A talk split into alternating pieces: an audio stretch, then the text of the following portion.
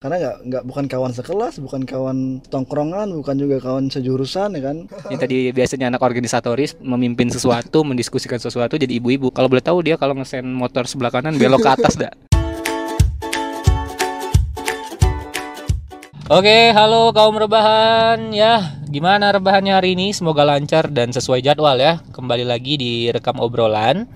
Oke, di episode kali ini eh, bakal nyambung ya sesuai janji saya waktu itu di episode pertama serba-serbi nikah muda. Nah, ini lanjutan dari episode pertama. Jadi hari ini kita bakal bahas gimana sih rasanya menikah dengan teman sendiri. Nah, mungkin kaum-kaum rebahannya ada nih yang ngerasain yang sudah menikah terutama ya ataupun punya teman yang sudah menikah sudah jauh-jauh mencari jodoh eh taunya menikah malah sama teman sendiri gitu loh. Nah hari ini kita bakal ngobrol lagi sama narasumber kita yang di episode pertama masih inget ya sama Novan. Nah kita bakal bahas nih gimana sih rasanya nikah sama teman sendiri? Tapi sebelum itu silakan dengarkan menggunakan earphone ya karena takutnya nanti nggak jelas Eh langsung saja Novan mungkin eh, sapa dulu teman-teman kaum rebahan. assalamualaikum rebahan Kok assalamualaikum rebahan? Kaum dong. assalamualaikum kaum rebahan Oke waalaikumsalam. ya oke langsung saja ya. Jadi Van eh, Novan kan memutuskan waktu itu menikah eh, dengan salah satu teman kita ya waktu itu ya. Eh, boleh diceritain dulu ya se- sebelum saya menanyakan hal ini lebih lanjut. Eh, coba ceritain dulu sih. Sebenarnya si nah nama istrinya Hera bener ya? ya betul Hera Meroliza Siapa? Hera Meroliza Oke, nama istrinya Hera Meroliza. Nah, coba ceritain dulu, Van. Mungkin kaum-kaum rebahan belum ada yang tahu kan. Eh, jadi Hera si Hera ini posisinya di kehidupan Novan sebelum kalian menikah pada saat itu siapa? sebelum menikah posisi Hera adalah teman tapi menikah teman Jadi teman. Nah, dalam artian teman nih gimana? Ataukah pada saat itu ketemu di mana ataupun beraktivitas bersama atau apa pun itu kan. Coba diceritain dulu. Posisi Hera pada saat itu eh, di kehidupan Novan tuh apa gitu loh. Jadi awal kali bertemu dengan Hera ini karena kita sama-sama anggota eh, BEM Fakultas Pertanian di kampus dan sebenarnya kita nggak pernah nggak pernah bertemu sebelumnya karena nggak nggak bukan kawan sekelas bukan kawan setongkrongan bukan juga kawan sejurusan ya kan cuma sama-sama anggota BEM dan itu intensitas ketemu sangat jarang. Nah pertama kali ketemu itu ketika BEM Fakultas Pertanian itu mengadakan acara Pekan Raya Pertanian. Nah, kebetulan saya waktu itu ketua pelaksana dan Hera adalah penanggung jawab bazar. Nah, waktu itu saya sedang mengobrol berdiskusi dengan eh, senior-senior di BEM lah ya. Yang salah satu itu kenal dan kenal sama Hera dan eh, Hera tegur. Hmm. Hera tegur, Hera menanyakan, "Mbak kenal nggak sama Novan?" Dan di situ ada saya. Hmm. Oh, ini orangnya kata kata Mbak ini. Dan di situlah awal pertama kali saya bertemu dan melihat Hera. Dan memang sebelumnya saya sedang mencari yang namanya Hera karena nggak muncul-muncul pada waktu eh, kita diskusi rapat dan sebagainya. Dia nggak muncul-muncul dan muncul dan dia menanyakan saya di depan saya. Nah itu pertama kali saya bertemu dengan Hera menanyakan saya di depan saya. Oke, jadi agak lucu ya. Jadi si Hera ini menanyakan Anda di depan Anda. Jadi mungkin pada saat itu belum kenal ya sama si Novan ya. Oke, jadi awalnya ini si Hera ini teman organisasi lah, bisa terbilang teman organisasi sekampus yang tidak pernah ketemu karena Novan sama Hera juga beda daerah ya. Hera dari Pagar Alam, Novan dari Lubuk Linggau. Baru ketemu pada saat itu. Oke, jadi kan eh, awal ketemunya seperti itu tuh. Nah, kalau boleh tahu, mulai intens mungkin kerjasama ataupun mulai membangun pertemanan itu di momen apa sih, Van?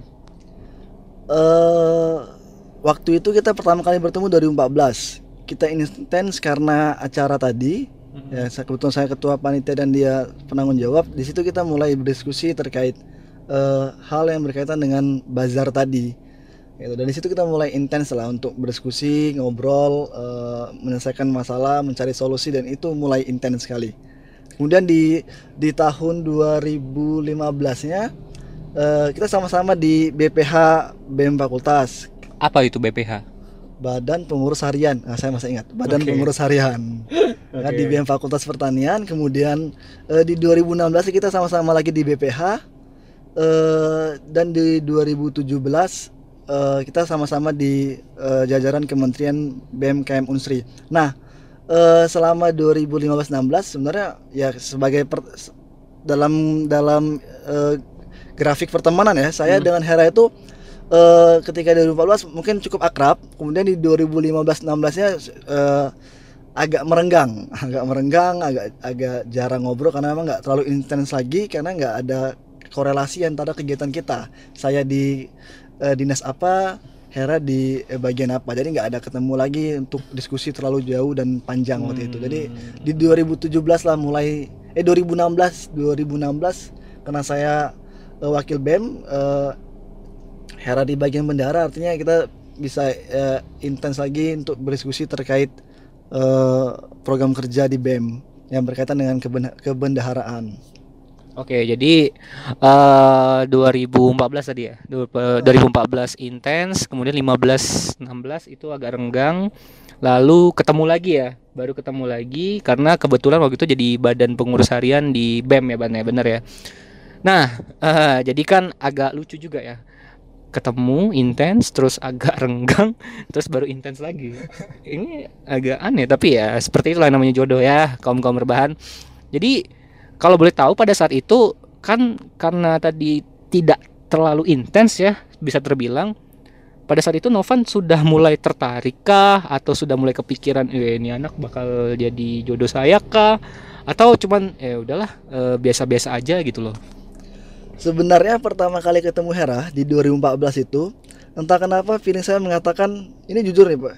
Jadi ketika pertama kali ketemu Hera eh saya sudah ber hati saya sudah berbicara. Oh ini jodoh saya. Jujur ini. Jadi pertama kali ketemu Hera dan itu sudah saya sampaikan ke Hera. Tak pertama kali ketemu Hera saya bilang, "Oh ini jodoh saya nih. Kayaknya ini jodoh saya." Nah, itu sih. Sehingga eh, di 2014 saya berpikir oh ini jodoh. Kemudian kita merenggang, oh bukan jodoh nih kayaknya udah nggak akan jodoh lah. Kemudian ketika kita ketemu lagi intens di 2017 bekerja sama lagi, saya berpikir oh kayaknya ini benar-benar jodoh.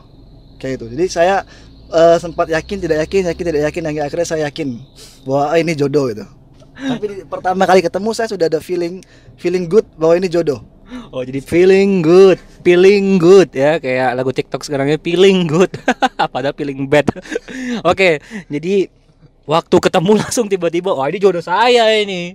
Tidak peduli anda akan dengan siapa, yang penting jodoh saya dulu. Jadi langsung patok dulu ya pan. nah, yang bikin Novan bisa berpikir seperti itu, yang langsung menyatakan, wah ini bakal jodoh saya ini. Itu apa sih pan? Kok bisa tiba-tiba langsung yakin gitu loh? eh ada ketertarikan dan itu nggak bisa diungkapkan Pat. Karena ketika kita ada tertarik sama seseorang itu akan ada rasa klik. Nah itu kliknya itu yang kita harus eh, susah didapat kita ketika kita ketemu orang. Jadi ketika saya ketemu Hera itu saya ngerasa oh ini klik gitu. entah itu kenapa terpikirkan oleh saya entah dari kepribadian dia entah karena kita ah, ada ada kesamaan ataupun ada apa saya nggak tahu. Tapi pertama kali ketemu ini klik dan ini jodoh saya.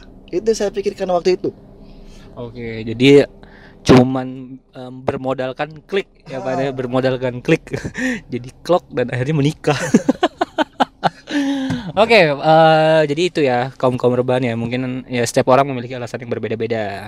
Eh, bisa klik sama orang segala macam. Tapi setahu saya juga kalau misalnya untuk membangun hubungan yang baik ya walaupun saya masih jomblo ya jadi saya belum punya pengalaman yang banyak Eh, yang penting itu nyaman dulu ya. Nyaman dengan seseorang sehingga kita bisa lanjut lagi ke arah yang lebih serius kah atau ke arah yang lebih ke mana. Nah itu yang penting nyaman dulu. Oke Eh, jadi kan seperti itu ya Pan. Bisa ketemu sama Hera kemudian yakin oh dia ini bakal jadi jodoh saya dan segala macam. Dan alhasil kan waktu itu kita tamat kuliah nih ya. Nah kalau boleh tahu ceritanya pada saat itu kalian tamat kuliah itu pada ke mana itu? Ma- masih komunikasi kah atau putus komunikasi kah atau gimana? Eh setelah tamat kuliah ini yang tamat duluan sebenarnya bukan saya. Jadi Hera yang tamat duluan. Oke Hera tamat Jadi, duluan ya. Hera tamat duluan kemudian eh, Hera kerja ya di salah satu perusahaan di eh, Oki dan itu kerjanya di di perkebunan di perkebunan industri kayu ya. Ya ya, industri hutan tanam industri gitu.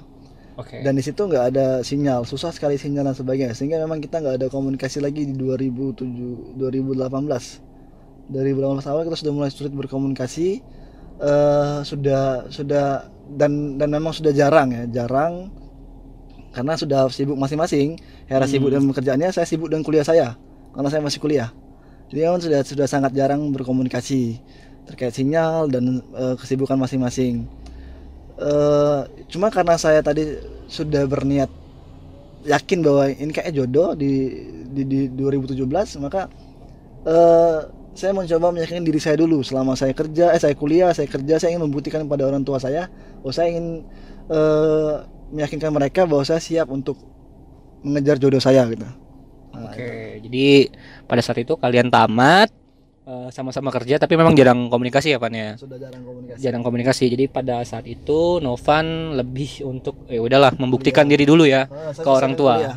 saya selesaikan kuliah saya cari kerja karena Hera sudah duluan cari kerja eh, sudah kerja duluan Oke, jadi gitu ya kamu kamu berbahan ya. Jadi kita harus buktiin dulu sama orang tua bahwa kita siap menikah. Betul. Kalau tidak siap nanti siapa yang mau menikah kan jadi wali kan. Jadi gitu ya kamu kamu berbahan. Oke, eh, jadi seperti itu waktu kalian tamat. Nah, terlintas eh, kenapa sih kok bisa yakin eh, Hera bakal jadi istri Novan dalam artian maksud saya gini loh Pan. Kan jarang komunikasi nih.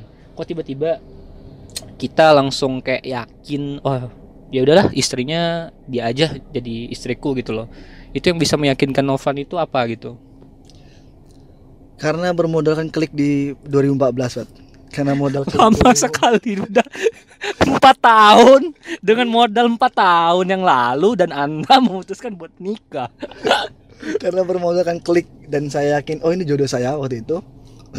Kemudian eh, selama kita ketemu dan kita bekerja sama eh, saya tertarik dengan kepribadian Hera gitu dengan caranya Hera sebagai seorang eh, mahasiswi pada waktu itu kemudian dengan caranya dia kesederhanaannya eh, idealismenya kemudian eh, pemikirannya dan sama-sama di organisasi ya sebagai organ orang organisatoris Eh, Hera juga sama dengan saya kita mencoba untuk eh, terjun ke dunia organisasi, dunia politik eh, dan sebagainya lah ya. Hmm. Dan itu di, di- ditunjukkan oleh Hera. Nah, ini yang membuat saya tertarik.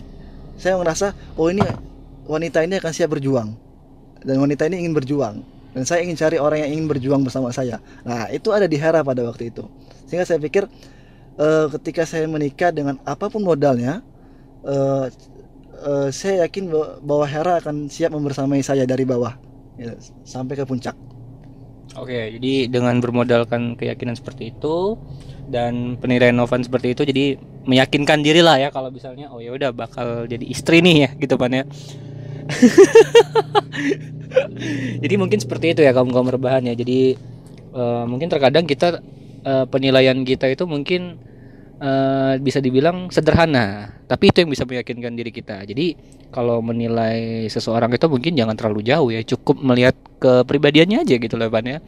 Melihat kepri- kepribadiannya masing eh, kepribadian seorang itu, kalau kepribadiannya saja sudah baik ya insya Allah ke depannya dia bisa menjadi pendamping yang baik. Bahkan berarti saya sok tahu ya ini berdasarkan pengalamannya Novan dan mungkin di luar sana banyak kaum kaum rebahan yang sudah menikah yang punya pengalamannya masing-masing, jadi tidak bisa disamakan. Nah, eh jadi kan tadi ceritanya jarang komunikasi dan ini cuma sebatas teman ya Van ya. Kalau dan akhirnya pada saat itu kan kalian menikah. Buat kaum kaum rebahan yang belum mendengarkan episode 1, saya sarankan dengerin dulu ya biar nyambung ke episode ini. Nah, jadi kan kalian menikah dengan cerita menikahnya segala macam waktu kita bahas di episode eh, episode 1. Kalau boleh tahu kesan pertama bisa hidup serumah, bisa halal ibaratnya tadi kan, bisa ya halal bagi kita gitu kan. Ya terserah kita kan bisa diapa-apain. ya. Ibaratnya itu orang yang jarang komunikasi sama kita dan coba sebatas teman yang nggak intens tiba-tiba jadi bagian hidup kita gitu. Itu rasanya gimana pan pertamanya? eh sama kayak di episode pertama ya eh, ketika kita pertama kali memutuskan untuk berumah tangga menikah itu saya kita deg-degan ya pasti dan itu ketika selesai akad nikah saya benar-benar eh, ngerasa wah ini bakal ada kawan di kamar gitu kan bakal sekamar sama Hera yang di mana kita sering ketemu di ruang rapat di ruang sekret eh sekarang ada di kamar kita sekamar gitu. Yang biasa kita sering berdebat terkait eh, program Politik. kerja, politik dan sebagainya. Oh, sekarang kita akan merancang rumah tangga. Nah, itu kesan pertama saya benar-benar wah ini akan akan jadi tantangan baru. Apakah kita akan mulus? Apakah akan bergelombang? Apakah akan bergejolak? Itu saya pikirkan. Kemudian eh ketika kita di di di kamar waktu di kamar pengantin ya waktu pertama kali sempat saling tatap juga saling saling lihat dan saling pandang gitu. Dan kita sama-sama bilang nggak nyangka ya akhirnya bisa menikah. Nah, karena prosesnya juga cukup panjang gitu kan. Prosesnya juga cukup panjang untuk kita mewujudkan mimpi kita untuk menikah gitu. Oke. Nah, karena emang itu tadi kita komunikasi kita sulit sekali sebelum menikah karena Hera kerja saya kerja dan eh, sinyal susah. Jadi eh, benar-benar kita pasar aja lah waktu itu kalaupun memang Allah mudahkan akan mudahkan gitu. Oke. jadi pas kita ketemu lagi itu di jadi eh, sebelum menikah kita benar-benar nggak ada kita nggak dapat. Fitting fitting baju nggak ada nggak ada briefing nggak ada nggak ada sama sekali. Nggak ada eh, ke KUA juga nggak ada. Jadi benar-benar eh, nggak ada briefing jadi nggak ada nggak ada latihan dan sebagainya. Jadi benar-benar ketemu lagi itu menjelang akad nikah.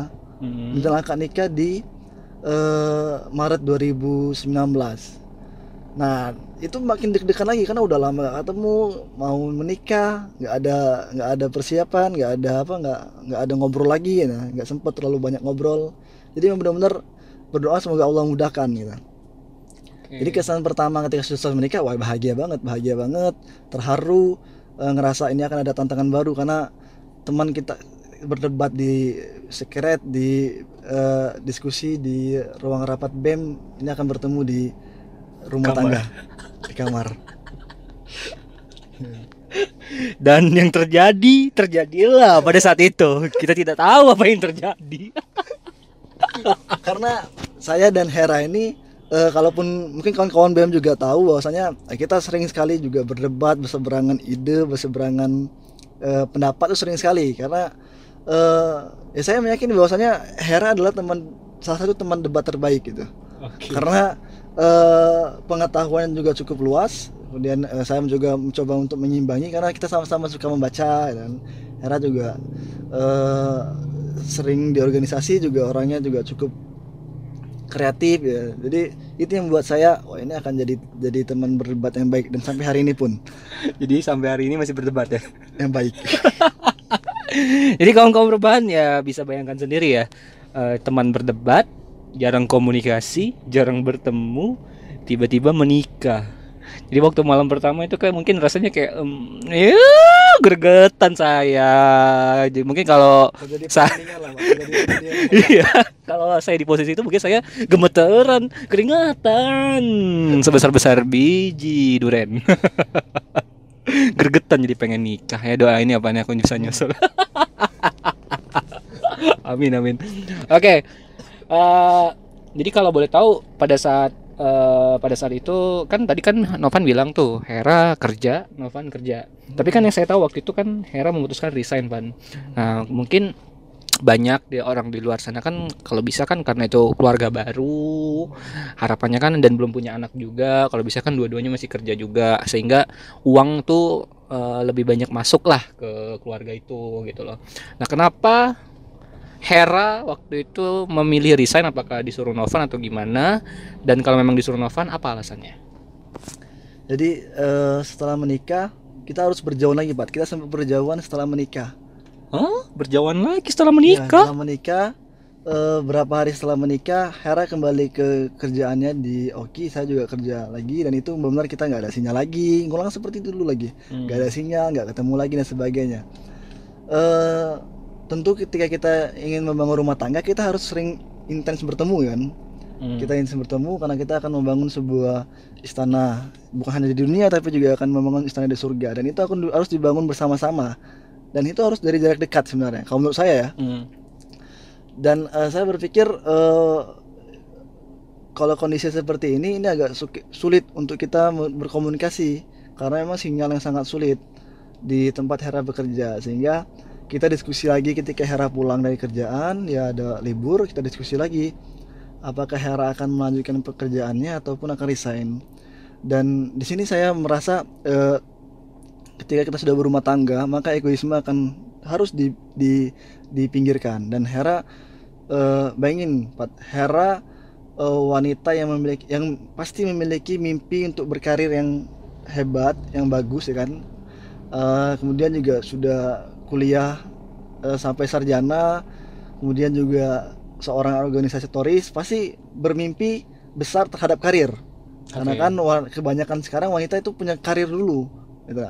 Berke- ber- ingin berkarir kan. dan eh, ketika menikah dengan legowo dan ikhlas Hera memang eh, eh, menginginkan resign dan saya juga sepakat sepakati ya kan saya juga serahkan kepada Hera dan dia ingin resign jadi di sinilah saya ngerasa oh Hera meminggirkan egoismenya. Dia ingin menjadi seorang istri yang seutuhnya ingin membangun rumah tangga bersama meminggirkan semua ijazahnya kemampuannya keahliannya untuk menjadi seorang istri yang eh, eh, mendampingi suami. Nah, Oke. jadi beliau memilih resign dengan segala egoismenya eh, dilepaskan itu dengan segala keikhlasannya dia resign dari pekerjaan dengan mimpi-mimpi besarnya Pak. Jadi saya tahu betul bagaimana Hera bermimpi ingin S2 ke sini, ingin kuliah di sini, tapi ketika jodoh sudah datang dan eh, rencana Allah jauh lebih baik, maka pekerjaan yang sudah diimpikan, kemudian eh, S2 yang diinginkan itu dipinggirkan sampai hari ini pun gitu. Dan Oke. memilih untuk menjadi seorang istri dan ibu rumah tangga. Jadi meng- 100% bisa mengabdikan diri buat suaminya ya gitu Pan ya. Eh, dan untuk keutuhan rumah tangga. Oke. Uh, mencoba menjaga rumah tangga ini dan mengambil peran yang jauh lebih baik. Buat Hera Anda luar biasa. ya jadi itu ya pengorbanan seorang wanita tadi Van ya. Eh, jadi ya kaum kaum rebahan ya itulah pengorbanan seorang wanita. Dia meninggalkan mimpinya, dia meninggalkan orang tuanya, dia meninggalkan ijazahnya, dia meninggalkan karirnya demi menjadi istri yang baik buat suaminya. Itu adalah pengorbanan terbaik dari seorang wanita. Dan dan sekarang ketika Hera sudah kita sudah punya anak, saya menyaksikan bagaimana seorang Hera yang dulu saya lihat ada di ruang BEM, ada di sekret, eh, aktif, lincah, lugas ya. Sekarang me- ber- menjadi seorang ibu rumah tangga, menjadi ibu karena sudah punya anak kan. Hmm. Jadi menjadi ibu dan itu saya meyakini seluruh ibu-ibu di dunia ini itu akan natural menjadi seorang ibu yang benar-benar mencintai anaknya, mencintai buah hatinya dan itu muncul di Hera. Saya merasakan, saya melihat eh, bagaimana seorang pengorbanan seorang Hera untuk menjadi seorang ibu. Dari situ saya, saya menyaksikan seluruhnya, Pak, dari eh, mengandung, kemudian melahirkan, sampai menyusui. Dan itu saya menyaksikan bahwasanya, oh ini perjuangan seorang ibu. Dan itu eh, dilakukan oleh Hera sampai hari ini. Makanya saya, selalu saya katakan, semoga Allah selalu membalas setiap kebaikan Hera sebagai seorang ibu. Kayak itu. Oke. Jadi buat kaum wanita Anda luar biasa. Terutama tadi buat Hera ya, Anda juga luar biasa, Hera. Ya, tapi Hera tadi kan jadi ibu-ibu tuh, Pan. Yang tadi biasanya anak organisatoris memimpin sesuatu, mendiskusikan sesuatu jadi ibu-ibu. Kalau boleh tahu dia kalau ngesen motor sebelah kanan belok ke atas dah. Atau dah ya kalau dia ngesen ke kiri beloknya ke bawah Usap. nyungsep. Oke, Pan.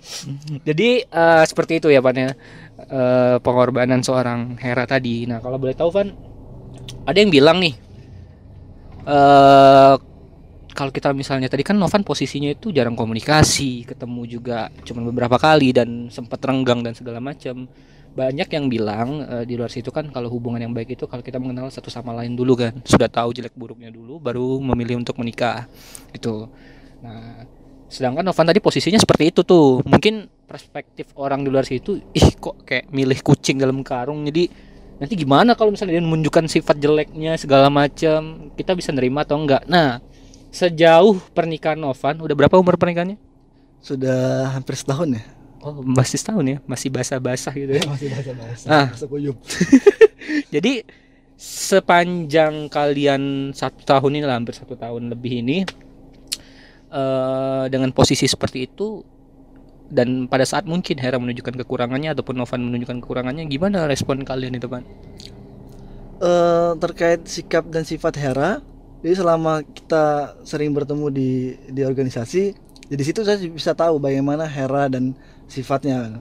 Kemudian ketika di di kehidupan rumah tangga kami, itu nggak jauh berbeda, Pak. Nggak jauh berbeda, karena memang Hera ini orangnya apa adanya, eh, menjadi dirinya apa adanya. Jadi ketika pun kawan-kawan melihat Hera sebelum eh, ketika di organisasi seperti itu, maka di hari ini pun ketika di rumah juga sama. Cuma memang memposisikan dirinya sesuai porsi. Ketika sekarang dia dan saya adalah suami dan istri. Hmm. Kalau dulu adalah kawan dan kawan, ya kan? Atau apalagi eh, sesama di BEM itu pasti beda. Oke. Tapi sekarang eh, Hera menempatkan posisi sebagai seorang istri, sebagai seorang ibu, dan itu ditunjukkannya. Makanya saya bilang eh, Hera sangat profesional, Pak. Sangat profesional menjadi seorang istri dan seorang ibu itu. Jauh ketika dia di luar dengan saya ketika di organisasi gitu. Maka hari ini pun ketika kita ada berseberangan seberangan eh, pendapat kalau dulu mungkin kita akan jauh lebih keras lagi untuk mempertahankan idealisme. Maka hari ini kita mencoba untuk mencari apa jalan terbaik ketika ada eh, pendapat, ide yang berseberangan. Dan itu wajar. Jadi ketika eh, melihat sifat-sifat buruk Hera, saya sudah siap karena juga saya memiliki sifat-sifat jelek yang Hera juga sudah siap untuk menerimanya. Karena memang itu tadi, Bat, menikah itu bu- bukan untuk menjadi sama, tapi menjadi satu. Maka saya dan Hera nggak bisa menyamakan sifat kami karena kami ingin menjadi satu dalam sebuah keutuhan rumah tangga gitu. Oke, jadi sudah siap menerima jadi apa pun yang terjadi ya udah ya legowo ya pan ya. Dan profesionalitas tadi ya. Baru kali ini saya mendengar profesionalitas menjadi istri dan suami. oh, tapi tidak apa, itu ilmu baru ya. Kaum-kaum rebahan jadi sebelum menjadi seorang istri atau suami, profesionalitas dulu dong. Jadi pada saat Anda mungkin eh, ingin berdebat, oh saya harus profesional. Jadi tahu lah eh, batasan-batasannya sebagai seorang suami seperti apa, istri seperti apa ya, Ban ya. Oke, Ban. Eh tadi berarti Loban lebih memilih untuk menerima dan Hera pun mungkin lebih menerima. Karena kita tahu diri juga ya kita punya kekurangan. Nggak bisa loh nuntut eh, dia nggak punya kekurangan. Kan kita manusia biasa bro gitu ya kaum kaum rebahan. Kalau boleh tahu kebiasaan-kebiasaan Hera di rumah itu apa aja sih Ban gitu terhadap, loh terhadap saya ya. Iya terhadap Novan gitu loh Apa sih kebiasaan-kebiasaannya Mungkin bikin tambah cinta Dari hari ke hari Bikin tambah sayang Tambah rindu gitu loh Eh pertama masakan Pak ya. Masakan karena Hera ini nggak tahu kalau di kalangan teman-teman saya rasa juga sama. Eh, terkenal dengan masakan yang juga sangat enak. Jadi Ya, saya dulu saya juga pernah sempet nyicipin ya waktu jadi zaman mahasiswa. Hera masakan anda enak sekali. terus kan masakannya enak. Jadi eh, apa namanya beda ya. Jadi kita ketika kita waktu masih kuliah masih kerja mungkin kita akan merasakan mas- bermacam-macam masakan. Tapi ketika sudah menikah kita akan teringat dengan satu masakan, itu masakan istri kita. Kalau di rumah dulu kita teringat dengan masakan ibu kita, ya kan? Hmm. kan rindu dengan masakan ibu rindu masakan ibu ya. cuma sekarang eh kita akan rindu masakan istri kita kita jauh kita istri nggak bisa masak istri sakit kita akan rindu dengan masakan istri dan tetap dengan rindu dengan masakan ibu kan karena bagaimanapun ibu eh, nggak akan tergantikan Oke. jadi salah satunya masakan yang kemudian kita punya kebiasaan pak kebiasaan sebelum tidur kita akan ngobrol apa yang menjadi masalah hari ini apa eh, yang menjadi peristiwa hari ini yang perlu diceritakan karena memang saya kerja kan. Hmm. apa ada peristiwa dan ada kejadian dan sebagainya. Kemudian setiap malam sebelum tidur eh, Hera akan minta maaf pada saya. Ataupun tapi lebih sering Hera yang minta maaf pada saya ya. Karena ada hadisnya apa memang. Eh, istri itu akan meminta ridho suami sampai sebelum suami itu tidur. Jadi sebelum suami tidur maka minta ridho istri eh, ridho suami nah jadi Oke. sebelum saya tidur maka Hera berusaha untuk meminta ridho pada saya dan minta maaf dan itu pun juga saya lakukan jadi kalimatnya begini ini saya sampaikan kalimatnya ya Hmm. Eh, jadi panggilan kita panggilan kita nggak apa-apa disebut Oh nggak apa-apa dong, tidak apa-apa dong. Emosi denger. jadi misalnya misalnya nih Hmm. eh selama istirahat Kak Van eh Deca minta maaf kalau salah eh, Rido dak eh, Rido nggak gitu? Dan maaf ya belum bisa menjadi istri yang baik belum bisa menjadi eh, umi yang baik bagi Hana gitu. itu itu setiap malam dicoba untuk selalu disampaikan. Dari awal kita menikah Pak. Dari awal kita menikah dan itu natural berjalan karena memang saya ngerasa juga sebagai seorang suami oh kayaknya ada yang kurang hari ini. Oh saya minta maaf. Hera juga mungkin ngerasa oh ada yang kurang. Akhirnya kita minta maaf. Itu kebiasaan kita. Jadi sebelum tidur berusaha untuk minta maaf. Sekalipun pasti ada lah ya kita sering ribut ataupun kadang tapi jarang kalau nggak minta maaf pasti akan minta maaf nah kemudian Hmm. eh apa lagi ya Hera orangnya sangat bersih dan itu akan terjadi Ini pada- dalam artian apa ini bersih? Iya. dan itu akan terjadi pada dengan seluruh suami mungkin ya karena suami suami itu eh kalau saya ya dan sebagian besar suami rasanya nggak seluruh suami ya sebagian besar suami pasti eh akan lupa naruh handuk akan lupa naruh ini lupa naruh itu. Itu Hera ingat dan seluruh mungkin seluruh ibu-ibu juga ingat ya kan di mana barang di mana ini. Dan eh Hera mengajarkan saya karena saya ini agak orangnya agak berantakan dan Hera mengajarkan saya bagaimana hidup rapi. Nah, itu. Jadi itu sih kesan-kesan banyak sebenarnya pak. Cuman yang sangat berkesan yang pasti saya selalu menyaksikan bagaimana Hera memberikan setiap setiap pelajaran ya. Di rumah itu pasti akan ada Eh, dia akan mencoba mengingatkan saya ketika saya salah eh, akan memberi mencontohkan memberitahu ini ini yang benar kak Van taruh ini di sini misalnya. Ini taruh ini di sini atau harusnya begini ya harusnya ngomongnya gini harusnya kalau ada masalah bilang begini dengan orang begini. Itu itu selalu dia berikan saran kepada saya. Jadi memang eh, kehidupan rumah tangga itu memang harus seperti itu menurut saya. Harus saling memberikan saran memberikan kritik dan itu wajar Oke, jadi saling mengisi satu sama lain ya, Pan ya. Iya. Hampir nangis tadi dengar kebiasaan minta maaf tadi. oh iya Boleh contoh kalau besok saya menikah. Amin.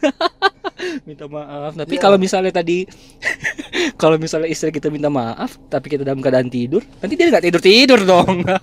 Karena- jadi eh, minta jadi kita minta maaf ya minta maaf ya salaman dan pelukan dan sebagainya lah ya Ah, Oke, tidak perlu dijelaskan ya kaum rebahannya. cuma kalau kalau sekarang kita agak susah banget karena eh, kita ada baby ada baby jadi eh, posisi tidurnya Hana di eh Hana eh, Hera di ujung kan baby di tengah saya di ujung lagi nih ya kita nggak nggak nggak bisa nih jadi cuma paling-paling salaman salaman senyum dan sebagainya lah tapi tetap minta maaf Oke.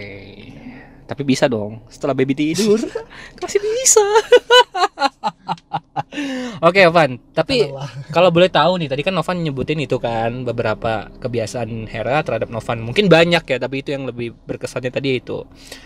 Kalau yang bikin rindu pengen cepet pulang dari kerja itu apa, Van? Kalau boleh kasih tahu tuh apa salah satu kebiasaan Hera nih yang bikin Novan tuh rindu pengen cepet pulang gitu loh ke rumah. eh rindu cepat pulang dan saya selalu ketika di jalan saya selalu merindukan ketika momen Hera membuka pintu menyambut saya itu Oke. karena buka pintu itu ada ada mimik wajah Pat yang menggambarkan eh kenapa selamanya pulangnya saya sudah nunggu dari tadi itu kayak ada kesan kayak itu Oke. Nah, jadi saya selalu berusaha untuk pulang cepat walaupun kadang tetap lambat, ya kan? Saya berusaha untuk pulang lebih cepat. Kemudian yang saya rindukan adalah ketika dia membuka pin- membukakan pintu karena siapa lagi yang buka pintu kalau bukan dia kan? Jadi merindukan dia membuka pintu dengan mimik wajah kadang eh, senyum, kadang apa senang, kadang pernah sedih, ya, itu wajar. Dan eh, ketika pulang pergi kita selalu salaman ya. Eh, eh, begitulah ya salaman terus begitu dan itu pun juga sama ketika saya datang saya datang juga eh, sama disambut dengan senyuman eh, dengan berbagai mimik wajah tapi lebih sering senyum ya lebih sering senyum dan itu yang membuat saya capek saya hari ini terbalaskan terbayarkan dengan senyumannya istri gitu. Oke, Jos, Itu yang saya nyuman rindukan. istri Jos luar biasa. Oke, jadi seperti itu ya kaum kaum rebahan. Jadi eh, mau kenalnya lama ataupun kenalnya baru sebentar ataupun belum kenal sama sekali, kalau yang sudah sudah menikah, hidup bersama, cinta akan tumbuh sendiri. Bukan begitu, Novan? betul Betul. Jadi buat kaum kaum rebahan yang mungkin hari ini masih bingung, ah aku belum terlalu kenal sama dia, tapi sudah punya rasa klik dan pengen nikah ya nikah aja karena ini salah satunya teman saya mengalami hal seperti itu. Jadi bukan seberapa lama kamu mengenal, tapi siapa duluan yang ngasih kepastian dong, gitu ya Pan ya. Ah, Oke Pan, eh, berbicara tentang Hera, kira-kira eh, tiga kalimat aja yang menggambarkan seorang Hera itu di mata Novan seperti apa? tiga kalimat atau tiga kata tiga Eh kalimat, sorry ding, tiga kata aja lah. tiga kata Hera sebagai apa seperti apa Seperti apa kira-kira? surga berlian hmm, cinta Surga berlian cinta luar biasa.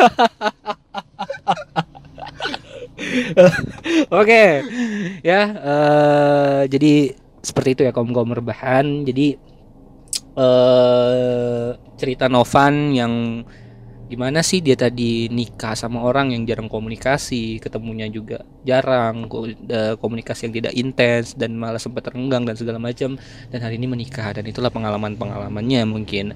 Sebenarnya masih panjang ya ban kalau memang semuanya pengen dibahas ya.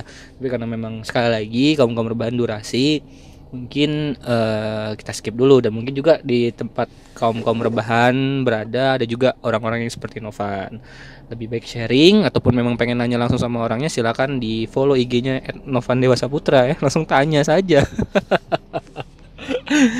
Ya tapi setia- sekali lagi kaum kaum rebahan setiap orang memiliki cerita jodohnya masing-masing cerita keluarganya masing-masing.